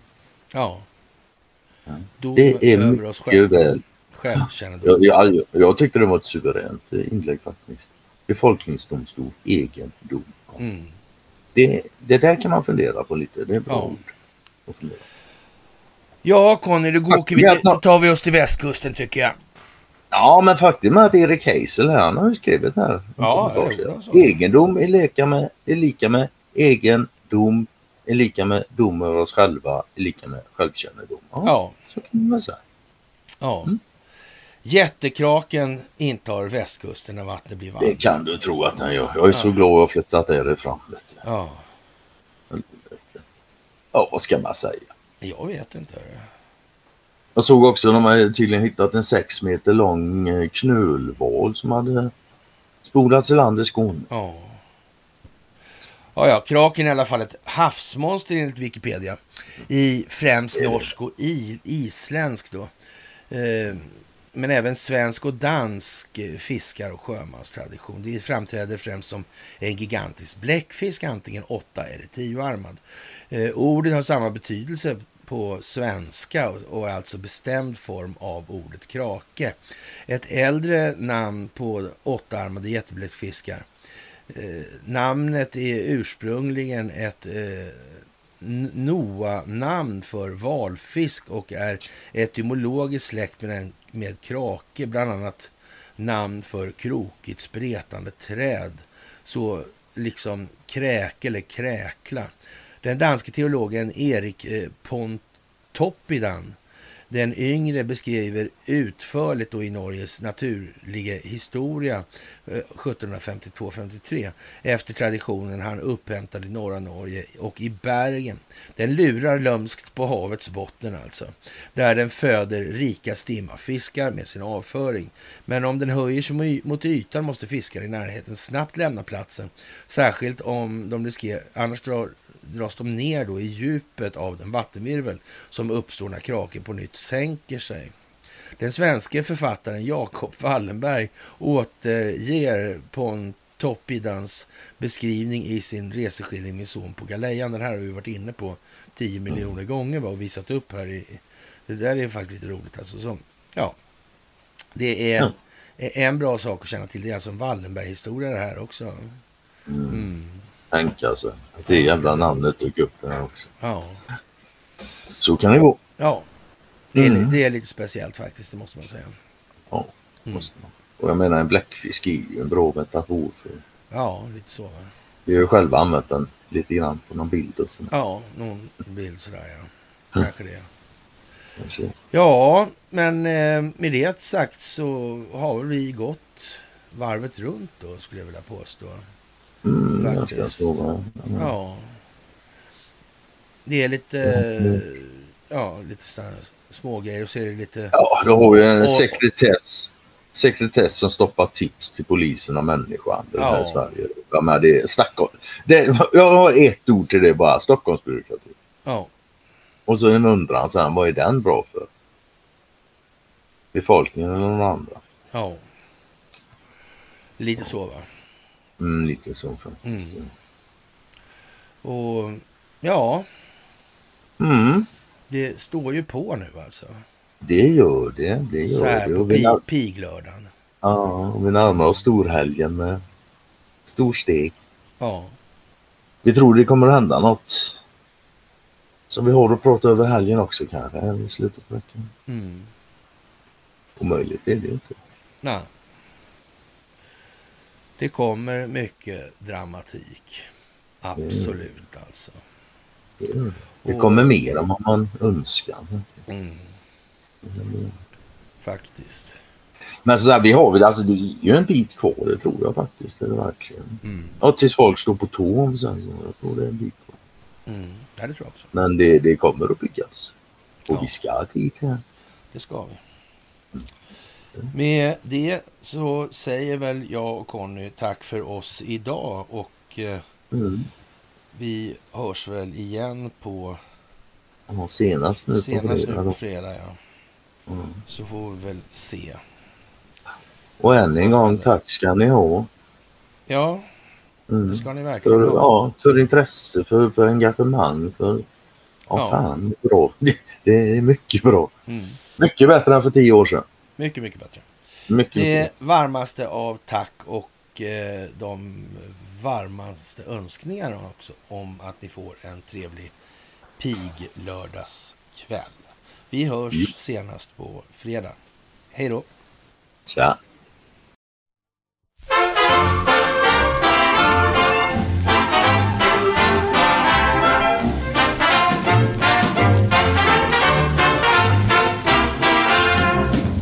Fest beskriver härmed fan i dramatik. Här ska spelas lyxrevy, man är väl rik. I herr Danilos sko Glömsk av Lolo Pro Pro.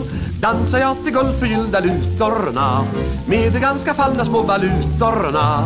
Det har trots sin bäst en ömre skäs som ett rosenskimmer sprider över livets bistra tider. Undra på om man blir kleptoman av lite guldregn över stan. Med pesetas och med lira och med frangen vill jag svira. Jag har gått och blivit en ottoman av lite guldregn över stan. Bedårande rubel du föll under jubel från kronan och pundet. Det regnade på city, droppade ut i Norrström. Sköna dollar, kyskets bälte Har du fått av Roosevelt När du faller blir det ta med fan lite gullregn över stan.